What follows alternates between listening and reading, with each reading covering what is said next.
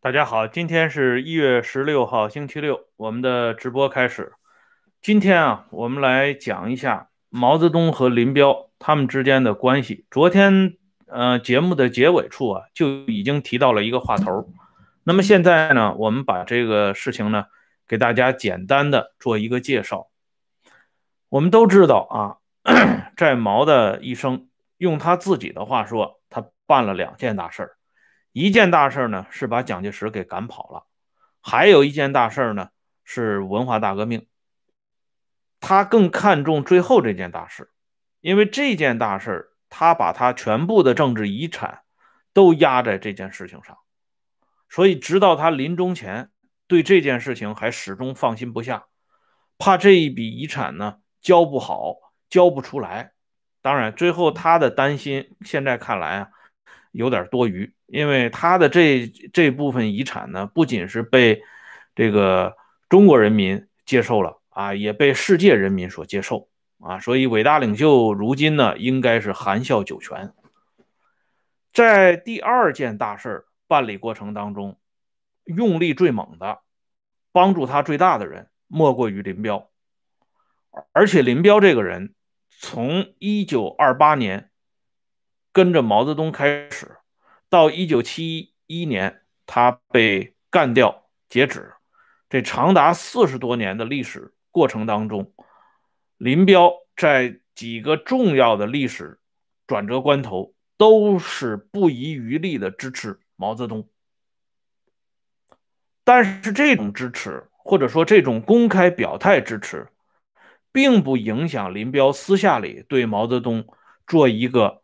非常有意思的评价啊！这件事情说，咱们讲啊，因为林彪垮台了，所以林彪的一些私下里的东西就被披露出来了。那些人没有垮台，所以那些人私下里是怎么议论伟大领袖、怎么评价伟大领袖的，我们目前还无从得知。但就仅有的啊这些公布的历史资料上，我们可以看到。在一九五五年被授予元帅军衔的这十个人当中，有三个元帅是最有特色的。啊，一个呢是彭德怀，一个是林彪，还有一个就是叶剑英。而这三个人之间的关系也是非常微妙的。当年的会理会议，就是因为林彪认为毛泽东的指挥不行，要敦促彭德怀出来。啊，指挥红军走出困境，所以才引发了毛的暴怒。而林彪与叶剑英之间又有一种特殊的关系，所以这三个人摆在一起是很值得啊谈论一番的。特别是今年，我们知道是九幺三事件爆发五十周年，所以在今年的下半年，我们会把这个节目的主要精力。放在解读林彪这个历史人物身上，让一些更多的发生在林彪身上的故事和细节展露在大家的眼前。这样呢，大家对一个过去了五十年的事情，会有一个比较新一点的认识。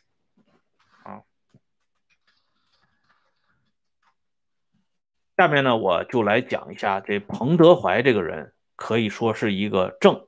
用一个字来形容是正，林彪呢用一个字来形容是邪，叶剑英用一个字来形容就是奸。这三个人，我认为是最值得讲一讲的这个元帅。那么，林彪和彭德怀这两个人虽然是正邪有正邪之分，但是这两个人他有一个共同的交叉点。就是这两个人虽然是啊军事将领，高级军事将领，但是他们对经济建设方面喜欢发表自己的看法，而且他们这种自己的看法跟其他人不一样啊。其他人呢总是一就一些具体问题来做一个表态，而彭德怀和林彪这两个人喜欢宏大叙事啊。喜欢站在一个比较高一点的角度，或者是比较全貌的这个状态上进行概括和整理。比如说彭德怀，他就曾经在延安时期提出过民主、平等、博爱、自由这些美丽的字眼说这种话，当时也就彭德怀一个人，别人不敢提。他认为未来的中国就应该建立在这八个字的基础上，没有这八个字的中国不能叫新中国。所以遭到伟大领袖的一顿啊呵斥，当然也埋下了他自己日后悲剧的伏笔。那么林彪对于建设一个什么样的中国，他有一个什么样的具体的看法呢？在一九四五年召开的中国共产党第七次全国代表大会上，林彪有一个发言。其他的这些人发言呢，多数都是在探讨我们这个党应该如何更壮大、更强大啊，如何让马克思主义啊这个吹遍全中国。但是林彪的谈话里边涉及了这么一个他自己的构想。林彪是这么说的。他说：“我们奋斗的集中目的是什么呢？是要产啊，产业的产，不是私，不是私产，是公产。大家发财，大家生活的好，所以要革命。”这林彪讲话，他有个习惯，他不完全是照本宣科，拿个稿子站在那里机械的这个朗读，而是有很多自己的东西。甚至是自己当时的灵感啊，他给揉进来。所以林彪的讲话，凡是听过林彪的讲话，或者是经常在林彪身边混的人，都有一个共同的印象，就是林彪这个人说话言语不多，但往往能够说到点子上。啊，所以他的那些呃语录啊，只言片语，如果整理出来，也是蔚为可观。这是林彪在一九四五年，呃一次公开谈话上提到的。到了一九四九年二月八号，这个时候啊，平津战役已经收尾了。林彪同傅作义有过一次谈话，在这一次谈话里边，林彪跟傅作义说到，共产党人的理想是什么样的？他说，建立革命的政府，发展大规模的机器生产。建立工厂，开发矿山，建设铁路、公路，建设学校，使人民吃得好、穿得好，提高文化，讲究卫生，能过富裕自由的生活。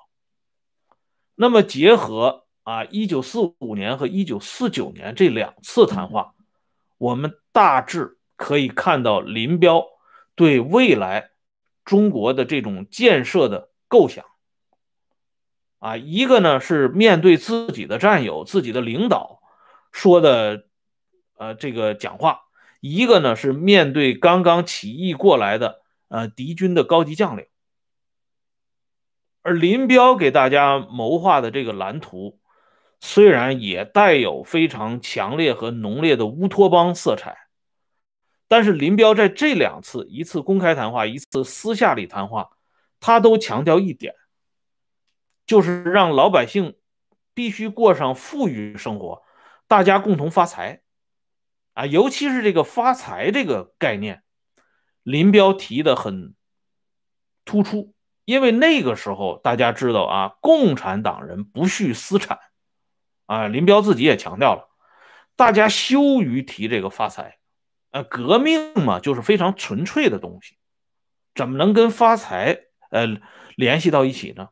但是林彪就认为，革命就是要让老百姓发财，大家共同发财，啊，这是一个很有意思的现象。所以，在毛泽东啊，他在推行大跃进期间，林彪就曾经对自己的孩子讲过，啊，私下里对毛泽东的这种做法，他的评价就是凭空想胡来。认为毛是胡作非为，这个事情呢，就是仅限于林林立恒，就是林彪的女儿林立恒的回忆。所以这个证据呢，看起来不是特别充分。然而，从已经查抄出来的林彪写在字典上、写在其他啊相关的这些报刊杂志上对于毛的那些评价来看，林彪说这个话并不奇怪，因为已经公开呃的史料里边啊，我们看到林彪说的那些话比这个还要狠。哎，所以从这个例子。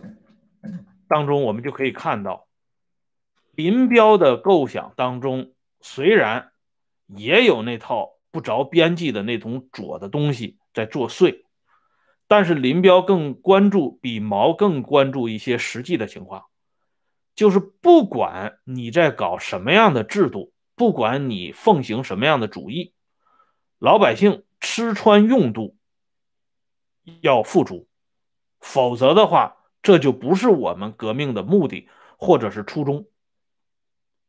或许正是由于这个分歧，啊，在毛林最终选择分手的时候，这也应该作为一个因素考虑进去。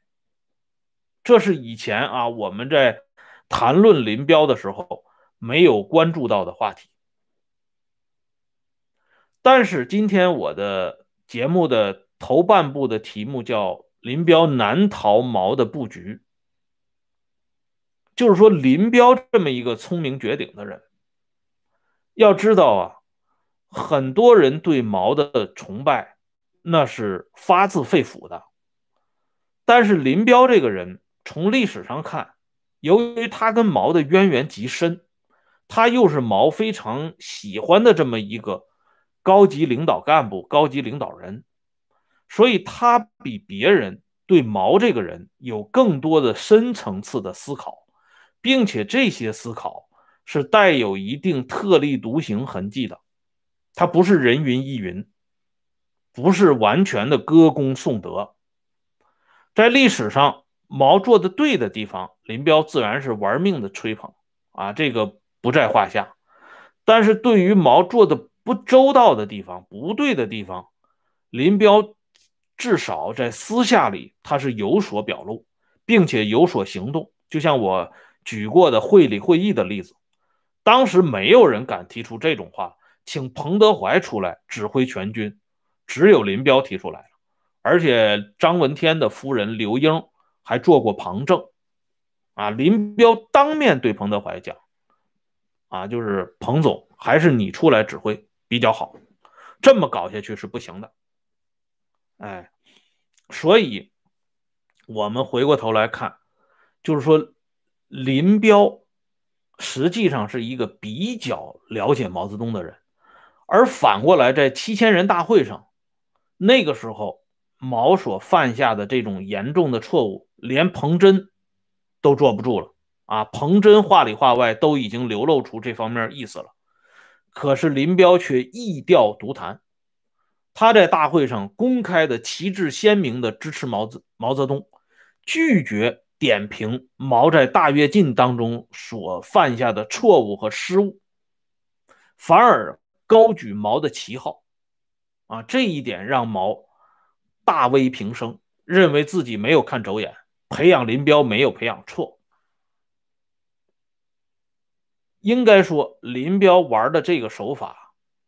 是在当时是相当聪明和高明的，因为他给他自己在政治上得分不少。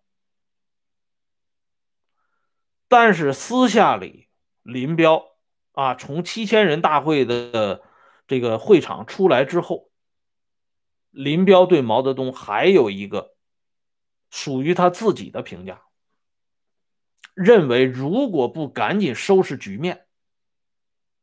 那么不出两到三年，我们就没有办法向历史、向人民交代。哎，这个是真实的林彪，台上说一套，台下是另外又说一套。然而，即便是这样的林彪，他也逃不过毛泽东的布局。因为毛这个人，就蒋经国曾经做过一个总结，他说毛这个人啊，他的狠忍之处。就在于他非常能够准确的抓住人的弱点，对症下药。你有什么样的弱点，我就给你下什么样的药。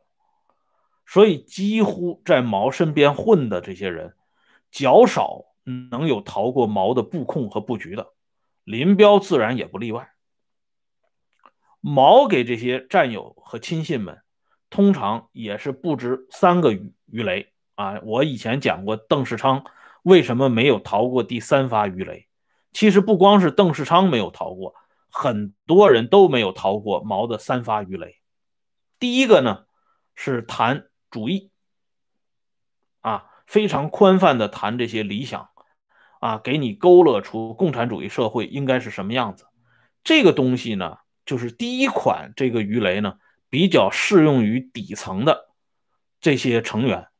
这些人呢比较单纯，换句话说呢，比较缺心眼儿。比如说，我们知道的像江姐呀这些人，啊啊，抱着一腔热忱，以为啊这个革命呢啊就是怎么样怎么样。还有当初写过小说《青春之歌》的作者杨沫，杨沫啊是资格很老的，那是延安出来的人，可是，在上个世纪五十年代给他评级涨工资的时候就没有给他涨，就压制他。为什么呢？就说他不务正业，私下里经常自己写小说，不听长党的招呼。其实这是鸡蛋里挑骨头。但是杨沫呢，自己不这么看，他马上自己进行自己的检讨。他说：“肯定是我自己做的什么地方不对了，所以让党组织发脾气了。”哎，所以毛的这种大的这种啊。宏观的东西适用于这一类的缺心眼的人啊。那么除了这些人之外呢？对于那些高级领导干部、高级将领，他还有第二款鱼雷，就是功名利禄。我们都知道，千里做官只为财啊。进入到革命队伍也好，进入到反革命队伍也罢，都是为了捞一票。哎，这是相当一部分人真实的想法，只不过呢，在上个世纪那种革命的大洪流当中，有这种想法的人，通常是要深深的掩埋自己的这种想法，否则的话很容易被人发现。但是不等于说他这些想法不被伟大领袖看在眼里，记在心头。所以功名利禄非常好用啊，当然。革命的语言是不叫功名利禄的，它是进步，就叫这两个字，叫进步啊。说你在政治上要求进步，那就是入党提干，当大官嘛。这条很管用，而且这第二款鱼雷应该说没有人能够避免，林彪也一样啊。为了接班人啊，不惜在台上大放厥词，说的那些假话、套话、空话。比比皆是，斑斑可考。哎，那么如果逃过了第二款，你说我对功名利禄不在意，像彭德怀这种人，他真的可以冠纱帽，真的可以舍得一身剐。那么还有第三条，第三条就是什么呢？灭门。第三款鱼雷就是灭门。这个灭门不仅是灭你身边的亲人，同时要毁灭你个人的历史。所以第三款鱼雷，很多人就受不了了。你可以不要乌纱帽，就像彭德怀那样的，但是如果毁灭你个人的历史，啊，你这个人当年把脑袋掖在裤腰带上，为了劳苦大众，不惜牺牲生命。就是要打造一个全新的世界，可是呢，经他手一拨弄，你就成了野心家、伪君子冯玉祥，脑后有反骨的魏延，并且周围的人都指责你，你当初就是这么想的，你混进革命队伍，无非是革命的同路人，这种痛苦啊，或者是这种撕心裂肺的东西。是绝大多数人完全无法承受的，啊，这这一款鱼雷应该说全部人都会被击中，击中。啊，包括周恩来也一样。毛把五豪起事的这个东西交给中央文革小组留存，其目的就是留下杀手锏。